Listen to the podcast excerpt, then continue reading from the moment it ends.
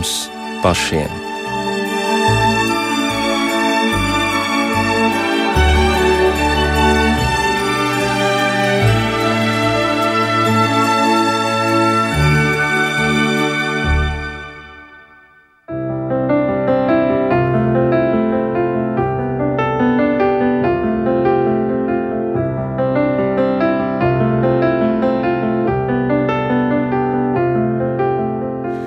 Labvakar, raidījumā pāri mums pašiem, lai ir slavēts Jēzus Kristus. Studijā Inte Zēgnere par skanējumu rūpējas Elizabete Šaicānova, bet mūsu raidījuma viesis ir Liepājas bīskaps Emeritus Pāvils Brūvers. Labvakar! Labvakar! Šodien visā pasaulē atskan lieldienu vēsts, Kristus ir augšām cēlies un kā atbilde skan apliecinājums patiesi augšām cēlies. Jūs tieši to arī gribējāt tikko pateikt. Jā, jā. Jūs man gribējāt atbildēt. Jā. Tā tas ir. Mēs satiekamies Lieldienu vakarā, kad eh, augšām celšanās notikums un arī noslēpums tomēr arī ir aktuālāks nekā jebkad. Tā tad patiesi augšām cēlies. Bet kur mēs to spējam šodien ieraudzīt? Un kā jūs to pierādīsiet? Un kur mēs viņu šodien sastapsim, tā kā mācekļi viņu sastapa pēc tam trijām dienām? Un galu galā, kāds tad ir Jēzus pēc augšām celšanās? Ko mēs zinām par viņu pēc tam, kad viņš šīs zemes misiju bija noslēdzis? Daudz un dažādu jautājumu, un pamazām mēs sāksim šovakar tos šķetināt. Varbūt sāksim ar pašu nozīmīgāko jautājumu, kā tad nonākt līdz pieredzei, ka Kristus patiešām ir augšām cēlies? Un, piemēram, kā jūs nonācāt? Nu, tā ir patiesība. Jā, tā teorētiski cilvēki tā lasa to Bībelē un tic tam. Tā arī nu, tā varētu būt. Jā, tā varētu būt. Jā, un citi domā, nu, ka varbūt tas ir tā kaut kā pārnestā nozīmē, tā, nu, kad viņa idejas dzīvo. Jā, tā. Bet eh, tiešām piedzīvot, ka viņš ir augšām cēlies, tad viņš ir jāsastop. Un ir mums dažādi veidi doti, kā viņu sastapt. Nu, pirmais, tas vislabākais un tas drošākais veids ir sastapt viņu viņa vārdā, lasot to un ļaujot šim vārdam ienākt sirdī. Un šis vārds uzrunā sirdi. Viņš tā uzrunā tik dzīvi tev sirdī, ja, ka, ka tu tam nemaz nevari neticēt. Tu eh, piedzīvo, ka tiešām sirdī ienāk Kristus. Ja. Tā kā viņš arī apsolījis, ka viņš stāv pie mūsu durvīm un klaudzina, un kas viņa balsi dzird un dara, pie tā arī viņš ienāk. Ja.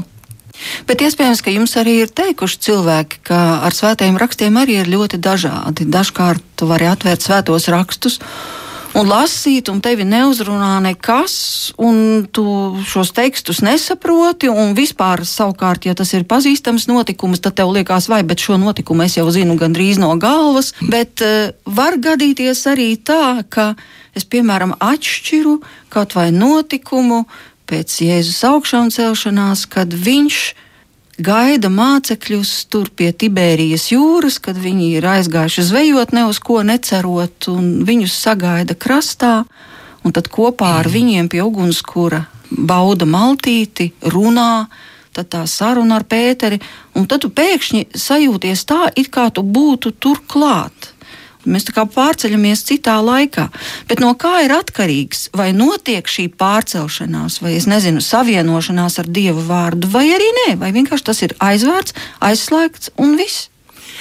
Jā, tas ir viens tāds īpašs arī lūkšanas veids, ko arī ļoti intensīvi es piedzīvoju pirms vairākiem gadiem, kad biju 30 dienu tādas ignāciskās rekolekcijās, klusuma rekolekcijās tad mums tur tā arī tika tas mācīts, tādā iztēles lūkšana ar evaņģēlī tekstiem. Un uh, mums tika arī uzdots, arī dažkārt uh, aicināja pašam izvēlēties kādus tekstus, bet lielākoties tas mūsu garīgie vadītāji uzdeva mums kādu uh, stāstu no evaņģēlija. Uh, Un tas ieteikums bija tā, mēģināt to tā iztēloties, ņemt eh, visu tā, it kā tu pats tur būtu klāt, izjust, piemēram, tā, nu, kad tu esi kaut kur um, ar Jēzu kopā, eh, kad uh, nu, viņa kalnas prediķi, piemēram, ja, kad tu sēdi tur. Nu, nogāze, ja tur kāda akmeņa, ja tur varbūt uz kāda akmenes apsēdies, tur varbūt izjūt to akmeni, cik viņš ir ciets, varbūt viņš ļoti uzkarsis saulē, ja tur ir zāle arī apkārt. Ja, un, Un tad arī tu izjūti to sauli, kad tev spiež, un tu mēģini kaut kā patvērties no tās. Un tu arī mēģini saklausīt tos vārdus, ko Jēzus saka.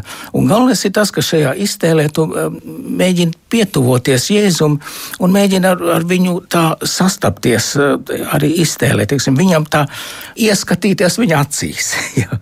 Un tad kādreiz ar to pilnīgi pietiek. Bet kādreiz ir tā, ka tu, tu lasi un, un pārdomā šo vārdu, kas ir un, un it kā tu iejūsdamies tajā situācijā, tad ir tā, ka tas tik dzīvi uzrunā, ka tev liekas, ka tu tiešām būtu ticies ar Jēzu. Ja? Ir jau mums tādi ļaudis, kas e, saka, ka tas nav īsti pareizi, tā tās fantāzijās dzīvot.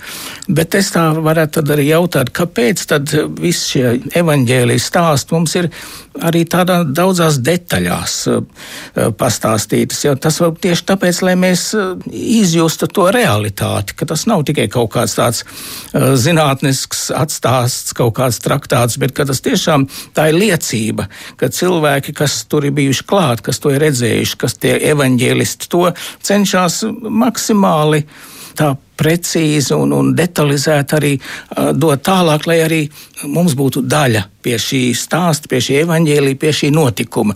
Lai arī mēs Jēzu sastaptu ne tā kā tādu literāru varoni, bet kā personību, kas ir klātesoša. Ja, kad mēs esam gandrīz vai varētu teikt tā personīgi tur satikušies. Un tur arī patiesi es tā ticu, ka notiek tā personīgā satikšanās. Jo Jēzus sev ir apsolījis, ka viņš vienmēr būs ar mums, viņš vienmēr ir klāt.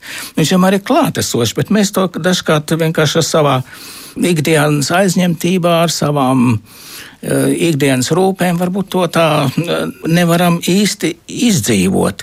Bet tad, ja mēs esam iegājuši evaņģēlijas stāstā, tad mums ir iespēja piedzīvot to, kas reāli arī tiešām notiek, ka viņš ir klātesošs. Nu, tas bija tieši jūsu gadījums, kad caur svētajiem rakstiem jūs atklājāt, ka Jēzus patiešām eksistē, viņš ir dzīves, viņš ir augšām cēlies, jums ar viņu ir komunikācija. Jāsaka tā, ka man ir bijuši dažādi posmi dzīvē dzīvē. Un tādā manā bērnībā agrā man jau likās, ka es visu laiku dzīvoju eņģeļu ieskauts un, un pasargāts. Ja. Kamēr izauga lielāks un, kā saka, auga buciņš, auga radziņi un visādas citādas domas. Un, un tā es pamazām no tā attālinājos un patiesībā tā diezgan strauji to es izdarīju. Un tad um, paldies Dievam, nāca tāds brīdis, ka man apcietināja. es tādu nonācu Čekas kamerā, un, un tur bija tāds man interesants piedzīvojums. Es jau biju diezgan tā jau attālinājies, un jau, es jau tā domāju, ka nu, ar, ar zinātni, ar, ar, tā, ar tādu prāta apsvērumiem var visas lietas risināt. Nav tāda kaut kāda pārdabīgas lietas mums nav nepieciešamas. Ja. Tad tur bija tajā čekas kamerā, tā siena bija tā rupji krāsota un, un tāda rupja apmetuma. Tur tā parādījās tā, tā, tā kā līdzīgi kā kādreiz mēs mākoņus vērojam, jau redzam kādu bildi, kaut kas parādās un pazūd. Un tā man vienu brīdi pēkšņi tajā sienā parādās Kristus galva, nokārta ar, ar, ar ērkšķu kroni galvā. Un eh, es domāju, tas nu, gan tādi interesanti un tik tā ļoti perfekti, ļoti tādā labā kvalitātē. Nu, tā, tā kā pa īstam būtu īpaši kāds gleznojis viņu, kā zīmēts, teiksim, tā kā ar zīmolu izzīmēts tāds. Un, un es domāju, nu, ja tas tā, tā parādījās, gan jau tas arī drīz pazudīs, bet nē, tas nepazuda. Un viņš vienmēr man sev atgādināja. Eh, un, un īpaši arī kādreiz naktīs tas bija, jo mums tur gaisma visu laiku nekad nenodzisa. Tā bija vasara, kas tur bija kameras lokus bija vaļā, un caur to ieplūda tādas tā kā baznīcas zvani. Tie izrādās, tie bija ģertrūdes, vecās ģertrūdes pulkstenis zvanīja toreiz katru stundu. Un man šķiet, ka arī viņš ceturdaļas stundas, man liekas, atzīmēja, ka jau diezgan bieži tie zvani bija. Un tie man vienmēr tā, tā kā pamodināja. Un atkal es ieraugu to Jēzus seju, un atkal šī baznīcas mūzika ja, man vienmēr mudināja atkal uz šīm domām. atkal man atsaucas atmiņā mans bērnības piedzīvojums, man bērnības tāds garīgs piedzīvojums un tādas ļoti spilgtas, tā, tādas sirdī bijuši tādi iepriecinājumi un ka es esmu tā sajūts uh, Dievu tūmu un viņa palīdzību un kad vēl bija tēvs Sibīrijā un, un vēl Staļina laika bija.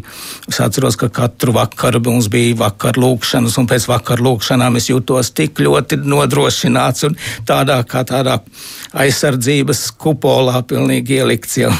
Šie tādi bērnības, tādi garīgi piedzīvojumi man atkal, es vien nāca atkal atmiņā. Un, Es kādreiz tā domāju, nu, ka tās ir tās vienkārši bijušas tādas iedomas, ja, tādas, nu, tādas spilgta, nu, man iztēle diezgan spilgta arī ir, ja, un tas droši vien ir ar to saistīts, ka tam nav nekāda sakara ar, ar, ar realitāti. Bet uh, arī šajā situācijā, ka es biju tāds kā tāds noraidītājs, ja, nu, kāds tāds, nu, es noraidīju jeb, jeb kādu šādus garīgus uh, klātbūtni un jā. impulsus, jā. Arī ar visu to viņi man ļoti spilgti manu sirdi uzrunāja.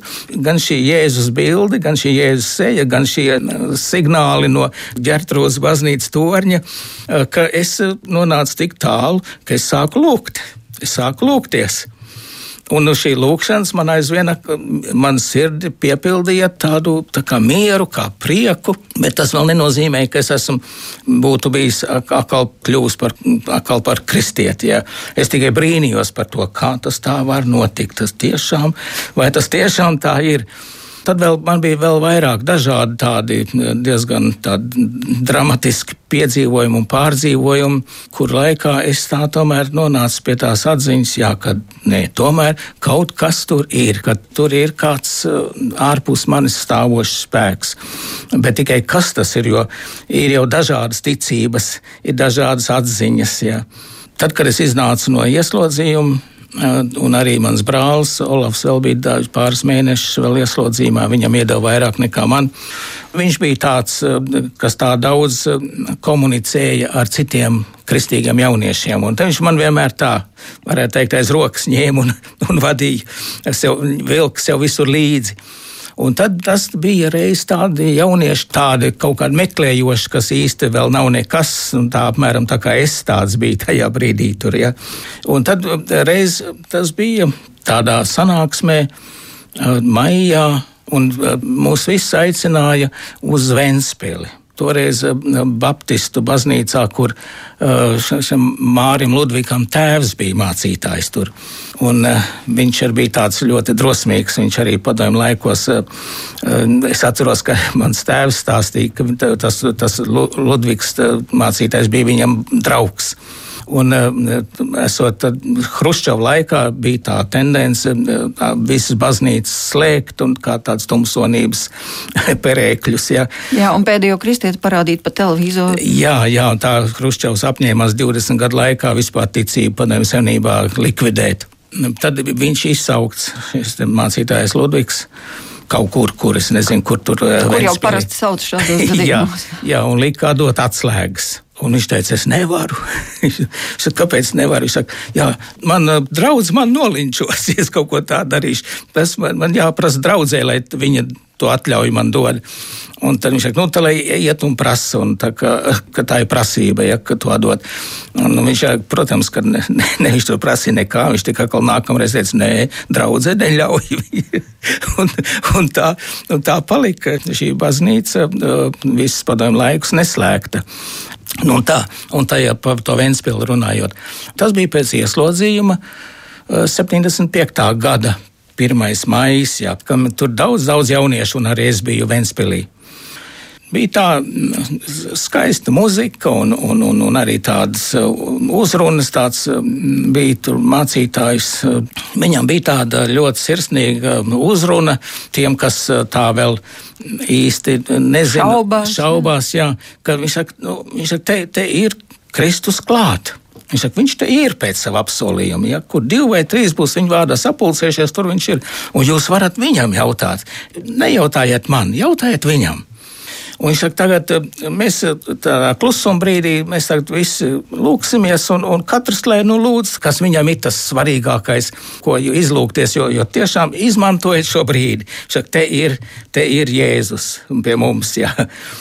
Un es domāju, jā, nu, tiešām man tas ir svarīgi, zināt, lai tās šaubas man uh, Pagaist, pagaistu. Jā. Jā. Un es arī tā lūdzos, ja, nu, vai tiešām tā ir, vai tiešām tu te esi jēzus.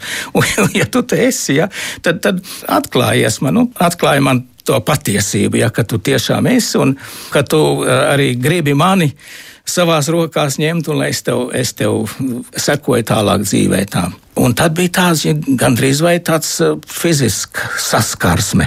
Man pilnīgi likās, ka tiešām Jēzus ir pienācis man priekšā, un man tāds, nu, tāda milzīga mīlestība no viņa izstarojās. Ja, tāda, nebija nekāda, es nedzirdēju nekādus īpašus vārdus, ja, nekādas arī vīzijas, bet tas viss notika sirdī. Un e, e, es sapratu, ka tiešām viņš ir te klāt, un viņš tiešām grib mani, un, viņš mani mīl, un, un viņš man aicina aicina pie sevis un, un pieteikt man spirināties pretī. Jā, es jau vienmēr spirinājos pret visām, visām mēģinājumiem mani kaut kur pakļaut, jā, tāpēc jau arī nonācu čekā. Un, un tāpēc droši vien arī es ar Dievu tā strīdējos, negribēju viņam pakļauties.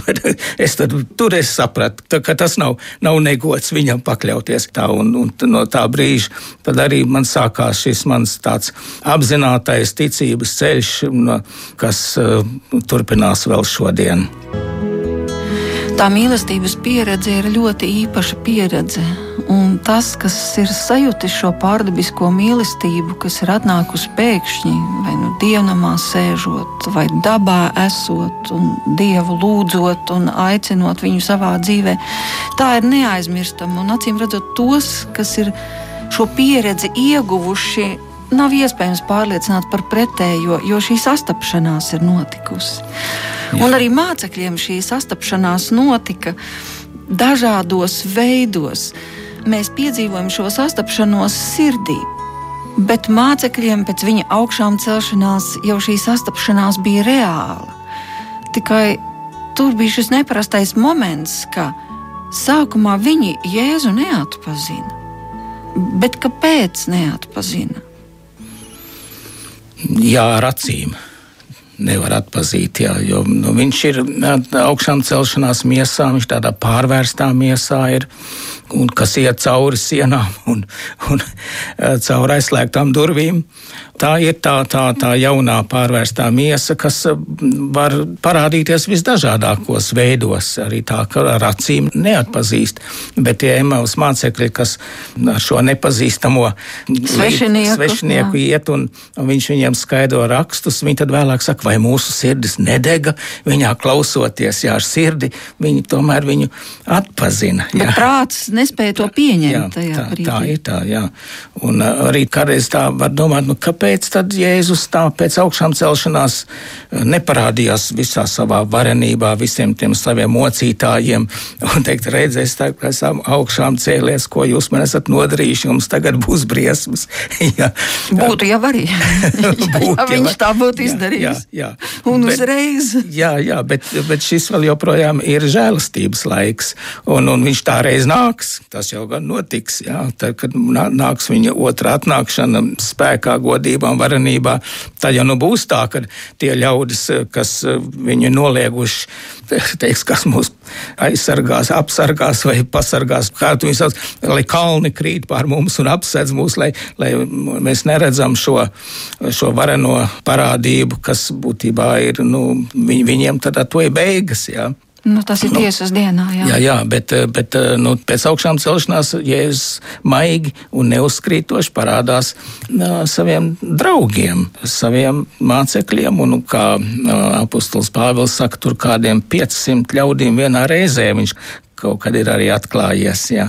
Bet viņš ir, ir stiprinājis savu baznīcu, savus ļaudis. Viņš nav nācis tiesāt, viņš ir nācis glābt, nest savu žēlastību tagad caur savu baznīcu. Jā. Es domāju, ka tas ir skaidrojums, ja, kāpēc viņš arī tā tik ļoti uzmanīgi arī tuvojās bez tādiem milzīgiem satricinājumiem pēc augšām celšanās. Ja. Un arī, ko viņš dara, ka viņš liek viņiem atcerēties svētos rakstus, kas ir rakstos, lai, un ticēt tiem.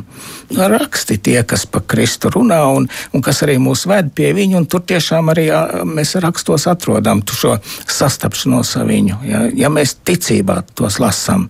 Jā, jūs tā teicāt par to, ka viņš ļoti uzmanīgi, maigi, nebiedējoši, iedrošinoši pēc savas augšām celšanās atklājās mācekļiem, atklājās Marijai Magdalēnai, uzmanīgi pasaucot viņu vārdā, un tajā brīdī viņa atpazina, ka tas ir viņas skolotājs. Bet šī pārveidošana pēc tam jau apustulis Pāvils raksta arī par mums, ka ne visi mēs mirsim, bet visi tiksim pārveidoti. Nu, ko tas nozīmē? Nu, droši vien nav jau vairs tik materiālistiska tā pasaule, lai domātu, ka vienkārši cilvēku saprok un ar to viss beidzas. Jo ir jau šīs klīniskās nāves pieredzes un dzīve pēc dzīves grāmata sarakstīta un pietiekoši daudz zinātniskas informācijas par to, ka nekas nebeidzas. Bet kas tad ir ar šo pārveidošanos? Ko nozīmē? Bet mēs visi tiksim pārveidoti. Jā, nu, Jēzus bija pirmais kas tika pārveidots. Un interesanti arī tas viņa tas līķauts, ka Turīnā, kas ir, ja, kad visādi tur mēģina sacīt, ka tas ir kaut kāds viltojums. Viduslaikos tur kādi ļaudis to esot darījuši, bet tas taču ir pilnīgi absurdi. Kurš gan viduslaikos kaut ko tādu būtu varējis izveidot? Ir, ir visādi eksperimenti taisīt, kā varētu arī vienā tādā audeklā, tā kā fotografijas negatīvu iededzināt. Un tas nekādīgi nav izdevies izdevies. Un kāpēc nav izdevies? To es lasīju vienā tādā publikācijā, ka tāpēc, ka nav tādas enerģijas, nav tādas tās spilgtuma, ar ko to varētu iededzināt. Citādi jau varētu.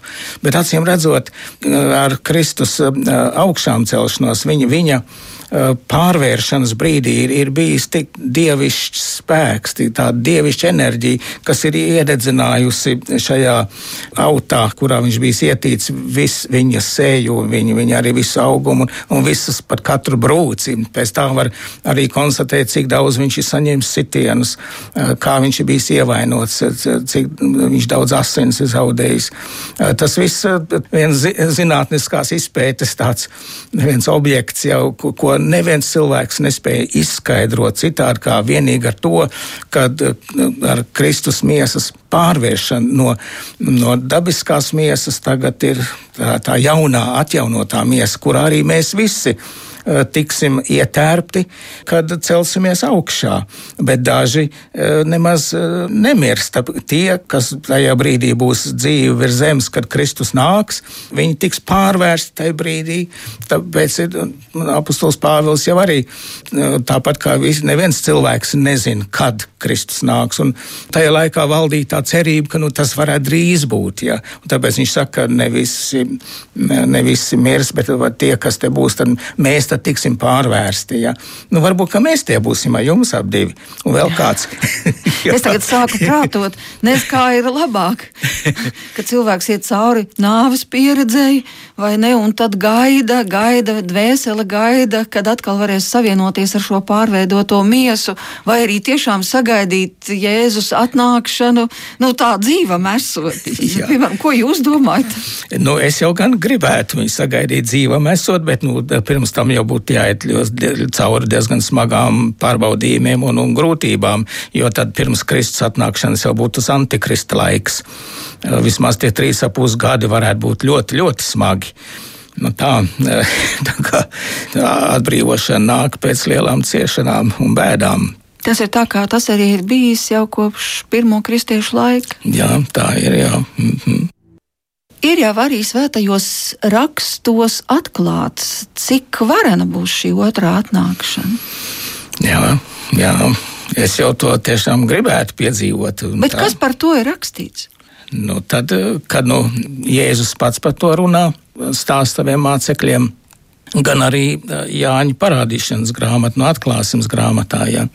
Arī tur ir atklāts, kas un kā tas viss notiks. Ja, bet, nu, Nu, katrā ziņā tā apakaliptiskie notikumi tur ir ļoti detalizēti un, un ļoti dramatiski aprakstīti. Tas nebūs viegls laiks. Ja.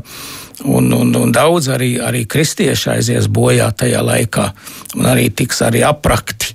Bet tas ļoti skarbi skan, jo galu galā, kāpēc kristiešiem būtu jāaiziet bojā, ja reiz Kristus ir glābējs un ja vispār Dievs ir mīlestība. Bet uh, vienīgais māceklis, kurš palicis dzīves, Jānis, uh, runā par varenību, ar kādu Jēzus nāks tiesas dienā. Jā, nu, tas pats Jēzus, kas pārsēja brūces, tas pats Jēzus, kas dziedināja, tas pats Jēzus, kas šeit visādā veidā cenšas būt klātesoši ikvienam cilvēkam. Jā, jā, mēs tā... nepazīstam šādu jēzu, vai mēs vienkārši neesam kaut ko izlasījuši līdz galam? Es domāju, ka mēs vienkārši to nespējam ar savu ierobežoto prātu un iztēli vienkārši stādīties priekšā kāda tā ir varenība, cik liela. Ja mēs tā mm, palūkojamies uz debesīm, un uh, apzināmies, cik tās ir plašas, cik liela, cik uh, mūsu zeme, mūsu saules sistēma vienkārši viens graudiņš visā izplatījumā. Dievs ir visu to radījis, un viņš to visu pārvalda. Šāds dievs, šāds dieva dēls nāks savā spēkā un varenībā, nu, tur visam ir jāizkūst. Ja, un, un tikai tas, ka viņa sekotājiem būs sirdī tas miers. Jo aizvien tad, kad Jēzus eh, satiek eh, savus eh, mācekļus, savus sekotājus pēc augšām celšanās, viņš vienmēr arī nāk ar miera sveicienu. Tad, kad mēs arī Jēzum atveram savus sirdis, tad viņā ienāk miers. Jo līdz tam, kamēr nav mums svētais gars atvēris mūsu sirdi, nav ienācis Kristus mūsu sirdī, mums aizvien tur ir kāds nemieris neviens cilvēks bez Kristus nevar būt ar pilnīgu mieru sirdī. Jā, kāds varbūt klausītājs šobrīd klausās mūs un saka, nu, kāpēc man ir pilnīgs miers? Es ne par ko neuztraucos. Gan, gan jau nav. Gan jau nav. Jo, jo dvēsele augst pēc sava radītāja, pēc dieva. Tā, tā tiek um, kaut kādā veidā apspiesta un noklusēta. Uh, bet uh, gan jau uh, tādos patiesības mirkļos katrs cilvēks bez dieva šo nemieru izjūt, jo viņa nevar būt viņas sirds mierīga bez dieva, jo dievs mūs ir radījis, lai mēs viņam sekot, lai mēs piepildītu dzīvē to, kam viņš mūs ir radījis. Un ja mēs no tā izvairamies un bēgam, izliekamies, ka tā nav, dvēseli tomēr nemāk tā izlikties. Viņa visu laiku alkst, viņa slāpst pēc šīs sastapšanās ar savu radītāju. Un, un eh, es eh, esmu pilnīgi pārliecināts, ka neviens cilvēks nekad pilnīgu mieru nevar sirdī izjust, kamēr viņš nav atvēris savu sirdi Kristum. Jā, bet varbūt tās ir tādas neizprotamas ilgas, kas var arī mūs pavadīt. Nu, ka vienkārši tā kā ziedonis ir teicis, ka Visu laiku es ilgojos pēc kaut kā vēl skaistāka, lai kur es nebūtu bijis, lai kādas zemes nostūrus nebūtu apceļojis. Mana sirds ilgojas pēc vēl skaistāka, vēl un vēl un vēl. Nu, un tad beigās viņš saka, to es skaitīju un nonācu līdz vienam, jā, jā. ar lielo burtu Vien, vienam, jā. nu, respektīvi, jā, jā. dievam. Nu, tās ir jā. tās neskaidrojamās ilgas, ka mums visu laiku ir kaut kas par maz. Nu, jā, bet ja mēs atgriežamies pie Jāņa atklāsmes grāmatas, ko jūs minējāt, tad Jānis nu, arī nespēdams vispār pat uh, aptvert un aprakstīt to, ko viņš izsūtījumā šajā Patmas salā ir piedzīvojis, tomēr mēģina ietērpt to visu redzamo vārdos un, un arī tā sastapšanās uz salas ar Jēzu. Uh, nu, varbūt mēs pat varam nolasīt to. Tas ir pats Jāņa atklāsmes grāmatas sākums, ko viņš Jānis raksta par šo sastapšanos uz salas. Jā, tad tā, es Jānis, jūsu brālis un dalībnieks bēdās, valstībā un Jēzus gaidās biju salā, ko sauc par patnu. Dieva vārdu un jēzus liecības dēļ. Tā kunga dienā es tapu aizrauts garā, un dzirdējies manas balsi, kā bazūnu saucam. To, ko tu redzi, raksti grāmatā un sūti septiņām draudzēm Efezā, Smirnā, Pergamā, Tietirā, Sardos, Filadelfijā un Laudiķejā. Es apgriezos redzēt balsi, kas runāja mani, un apgriezies ieraudzīju septiņus zelta lukturus. Luktur vidū kādu cilvēka dēlam līdzīgu, ieģērbtu garos svārkos un apjost ar zelta jostu ap krūtīm. Bet viņa galva un mati bija kā sniegbalta vilna, viņa acis kā uguns liesmas, viņa kājas līdzīgas zelta metālam, krāsnī kausētam, un viņa balss kā lielu ūdeņu balss. Viņam bija labajā rokā septiņas zvaigznes, no viņa mutes izgāja zobens, abās pusēs ass, un viņa vaigs spīdēja kā saule savā spēkā. Un, kad es redzēju viņas, nokritu pie viņa kājām kā miris, bet viņš man uzlika savu labo roku, sacīdams: Nebīsties! Es esmu pirmais un pēdējais un dzīvais. Es biju miris, un redzi, es esmu dzīvs mūžu mūžam, un man ir nāves un elles atslēgas. Un šādi Jēzus atklājas apustulim Jānim, savam mīļotajam māceklim. Jānis viņu taču ir labi pazinis, visu laiku viņam sekojis, bijis pie krusta, tad, kad Jēzus sita krustā un šādu Jēzu. Pat es saprotu, Jā. arī Jānim tas ir milzīgs Jā. pārsteigums šādā veidā sastapties ar Jēzu, kur nu mums vēl, kad mēs jau parasti tā iedomājamies Jēzu, nu tā kā altāra gleznās, Lūk, Rozentāls, pie baznīcas. Jā. Jā. Mums ir savs Jēzus tēls, bet to varenību iespējams, ka mēs pat nestādāmies priekšā, ar ko mums nāksies sastapties. Mums nav kur tā. likties, nu, tā kā raksti to saka. Jā, tā tas ir. Un arī ja mēs tādi, kādi mēs esam ar šo vareno dievu sastaptos, mēs varētu droši vien iznīktu. Tā jau arī kad um, Mūzes uh, pēkšņu krūmā. Jā, pēkšņu krūmā, jā, vai, vai atkal tas Elijs, jā, kad viņš uh, tajā kalnā. Uh, nu jā, viņam sinai, nācās paslēpties jā, alā, jā, lai jā, tad, jā. kad Dievs ies garām. Jā, lai, lai jā, viņš jā. nevar viņu redzēt, citādi viņš aizies bojā. Jā. Jā. Tāda varenība. Jā. Bet, ka mēs te pārvērstā miesā būsim, tā jau, tā jau mēs viņu varēsim sastapt un, un, un, un, un būt laimīgi un priecīgi. Jau. Tad viņš tajā savā varenībā arī parādīsies. Bet to tiešām ir grūti mums iedomāties tagad nu, ar, ar mūsu priekšstatiem, ja, tādu varenību. Ja. Nu, tāda varena parādība redzējis Jānis, no kuras viņš arī, kā jau tas sākumā tika teikts, viņš ir nokritis kā miris. Ja. Un, un droši vien, ka mums tas pats notiktu, ja mēs viņu visā varenībā redzētu. Tā kā paldies Dievam, ka viņš mums tuvojās tā lēnīgi un maigi, un ka viņš tuvojās mums nevis savā varenībā, bet savā mīlestībā, savā žēlastībā, šajā žēlastības laikā. Jā, jūs sacījāt šajā žēlastības laikā, bet viens no psalmiem tas laikam ir, kurš saka, ka no dieva mēs nevaram paslēpties. Lai es tur ūdens dziļumos, vai lai kur es būtu pazemē, vai, vai vienalga, kur arī tur tu esi, un es nekur nevaru noslēpties no tava vaiga.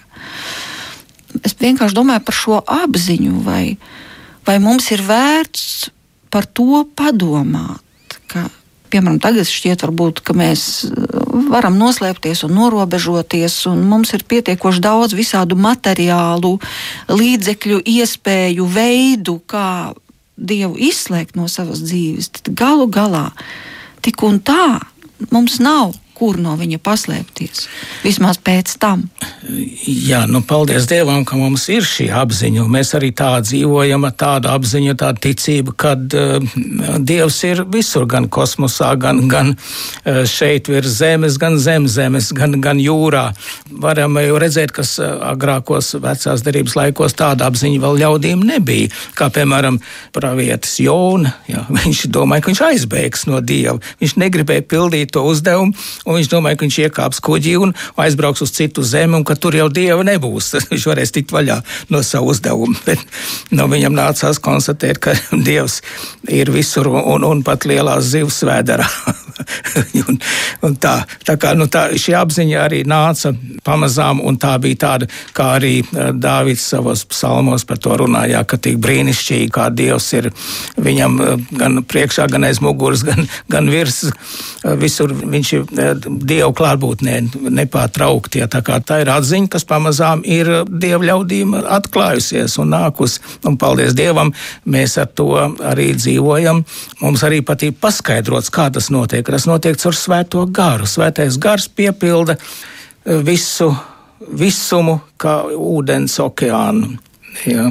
Tikai jautājums ir, cik mēs viņām atveramies un cik mēs viņu sevī ielaižam un cik mēs eh, pakļaujamies viņa mudinājumiem. Tā. Jā, par to un, pakļaušanos mudinājumiem Nu, kā tad, ja lai pakļaujas, ja neko nevar dzirdēt? Sacīsim tā, nu, ne jau katram ir šāda pieredze, ne jau katram. Un tad liekas, nu, kāpēc? Nu, tagad ir tik smags laiks arī pasaulē, tāds nemieris, tādi satricinājumi. Nu, vai tad Dievs nevarētu panākt solīti pretī un vienkārši tiešām sākt runāt spēcīgāk? Nu, tā, lai, lai es konkrēti dzirdu, kas man ir jādara. Jā, Dievs ja mums ir atklājies caur saviem svētiem rakstiem, un Viņš uz mums runā. Mums tikai pie šiem svētiem rakstiem ir jāpieiet ar atvērtu sirdi un jāuzņem kā, kā dieva vēstuli, kā dieva vēstījumu personīgi man. Un e, jau, nav jau tā, ka katra vieta man ir tā īpaši uzrunā, bet ja es katru dienu lasu svētos rakstus ar atvērtu sirdi, tad ir uh, vārdi, ir īpaši tādas uh, pasāžas, kas mani ļoti uzrunā un liek man par to domāt. Un tad uh, mana atbilde ir savā lūkšanā. Ja es varbūt nesaprotu, eh, tas, tas vārds man ir mm, padarījis nemierīgu, vai otrādi, varbūt tas, tas vārds man tieši ļoti nomierina, kaut kā ļoti, ļoti iepriecina. Es atceros, kad uh, bija tāds laiks, kad es ļoti smags laiks bija. Un man arī likās tā, ka nu, Dievs uz mani nerunā nemaz. un, un tad mm, interesanti bija tas, kad es sapnī saņēmu saņēmu tādu mudinājumu, lai es um, izlasu 42. vai 43. numuru. Un tā, numuru? Numuru, jā. Tā, jā. Es sāku meklēt, nu, kas varētu būt. Domāju, nu, jā, droši vien kāds mēnešs uh, vai, vai kāds laikraksts varētu būt, jā, vai uh, kuram ir 43. numurs vai 42. Un es dažādas laikrakstus. Es atceros, toreiz tieši nesen, kā iznākusi Lietuvas katoļu baznīcas kronika. Un arī tieši pirms tam bija tieši šie, šie te numuri, 42, 43 arī bija. Viņi bija numurēti šie izdevumi. Mums brīvā Eiropā mums bija mūsu bibliotekā šīs kronikas. Un es domāju, nu tad tur kaut kas droši vien priekš manis būs. Un es izlasīju viņu smalki no viena vāka līdz otram. Un nu nekas man tā neuzrunāja. Tad es ņēmu dažādas avīzes un, un, un, un um, kādus žurnālus, kuriem tā numurēta ir. Un, un, un neko nevar atrast. Un, zini, pienāca viens brīdis, un, oh, vai tie nebūs psalmi? Un es lasīju 42. psalmu. Un tas man tā uzrunāja, ka man tā kā tādam bērnam asara sāka birt. tas bija tas, ka kāpēc tu man, man dvēseles tik nemierīgi manī, ja? un, un tad, tad mudinājums ir tic uz Dievu, ja? un paļaujies uz viņu. Un, un tas man tā atviegloja, un tāds miers ienāca sirdī, un tas būtībā gandrīz tādu, tādu nopietnu pagriezienu izdarīja manā šajā eh, grūtajā dzīves brīdī, ja? kad es sapratu, ka eh, Dievs eh, ir ar mani, viņš man, viņš, viņš man runā, tikai paklaus, uztver to. Es, viņš uz katru runā, es ticu, es viņ, viņam nepatīk nepatīk dievam grēcinieku nāvi. Viņš nevienu negrib, lai aiziet pazušanā. Viņš grib, lai visi nāk pie patiesības atziņas. Un viņš katram, katru kaut kā īpaši, kaut kā personīgi uzrunā. Bet tikai tā problēma ir, ka mēs varbūt savus tās egoismu, savus kaut kādas augstprātības, savas nepakļāvības dēļ to noraidam un tam nesekojam. Un, un dažādas grūtības un ciešanas ir bieži vien tas līdzeklis, tā, tā varbūt tā stingrākā roka, kas velk tev pie Dieva, kas tev liek lūgties, kas tev liek meklēt atbildi pie viņa. Tā kā es domāju, ka arī tam ciešanām ir nozīme. Ciest jau tomēr nevienam nepatīk, bet laikam nākas gandrīz katram savā laikā. Paldies! Par šo viesošanos šovakar mūsu raidījumā, bet ko jūs šajās lieldienās varētu novēlēt mūsu klausītājiem? Katras lieldienas jau ir citādākas. Jā, jā. Nu, galvenais jau tais lieldienās to, ka mēs rīt un satiekoties ar Kristus ir augšām cēlies, un mēs atbildām patiesi augšām cēlies, ka tie būtu nebūtu tikai vārdi, ka tā būtu tiešām patiesa sirds atbilde. Ja? Un, un mēs tikai to varam darīt, ja mēs esam viņu sastapuši. Tāpat kā mācekļi neticēja nevienai vēstī, ko viņiem vēstīja, kad ir redzējuši Kristu, satikušies ar augšām celto. Tikai tad, kad viņi paši sastapās, tad, tad viņi tam ticēja. Lai Dievs dod, ka mēs šajos uh, lieldienas svētkos katrs sastopam viņu un, un tad mēs arī viņam ticēsim. Mums nebūs nevienam vairs jāprasa, vai tiešām tā ir.